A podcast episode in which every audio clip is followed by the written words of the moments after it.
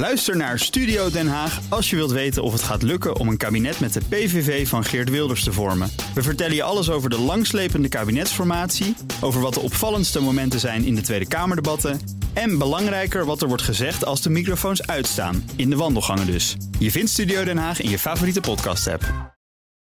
De column van Bernard Hammelburg. Moet het beeld van Jan Pieterszoon Koen van zijn sokkel? Is het bordje waarop staat dat hij zowel held als massamoordenaar was voldoende? Is een beeldenstorm het middel om af te rekenen met ons racistische verleden? Poets je het nationale geweten schoon met rituele verbanningen? Toen Iraakse burgers in 2003 een beeld van Saddam Hussein omvertrokken, vonden we dat best stoer.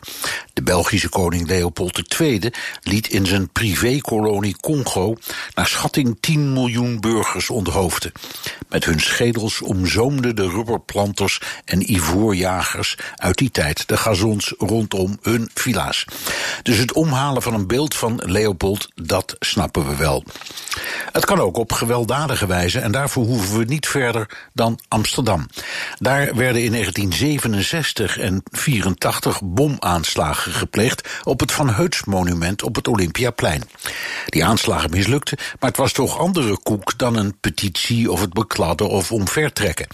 Het monument, in 1935 onthuld door koningin Wilhelmina, was een eerbetoon aan Johannes van Heuts, die van 1904 tot 9 gouverneur was in Nederlands-Indië en als held werd gezien vanwege de verovering van Aceh, maar bij nader inzien werd ontmaskerd als een ordinaire massamoordenaar. Twintig jaar geleden werd het monument omgedoopt in Monument Indië Nederland. En in november 1956 werd de Amsterdamse Stalinlaan omgedoopt in Vrijheidslaan. Toen bleek dat de Sovjetheld miljoenen van zijn eigen burgers had uitgemoord. Kortom, het thema is niet nieuw en de vraag is waar je de grens legt. De wereld was in rep en roer toen de Rode Khmer in 1981 het tempelcomplex Angkor Wat in elkaar sloegen, omdat het werd gezien als symbool van boeddhistische onderdrukking. Die Rode Khmer waren zelf massamoordenaars, maar ook die kunnen wraak zoeken wegens misstanden in het verleden.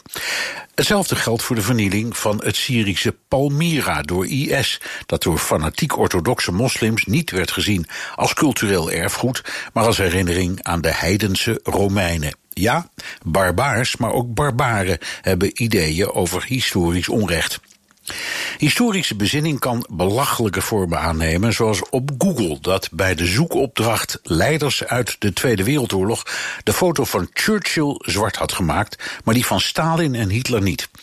Of het verwijderen van de filmklassieker Gone with the Wind uit het bestand van HBO.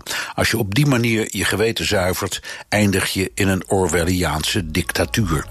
En met het verdwijnen van een beeld van Jan Pieterszoon Koen verdwijnt hij niet uit onze koloniale geschiedenis. Columnist Bernard Hammelburg.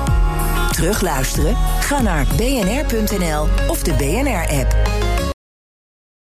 Ook Bas van Werven vind je in de BNR-app. Ja, je kunt live naar mij en Iwan luisteren tijdens de ochtendspits. Je krijgt een melding van Breaking News. En niet alleen onze podcast Ochtendnieuws, maar alle BNR-podcasts vind je in de app. Download nu de gratis BNR-app en blijf scherp.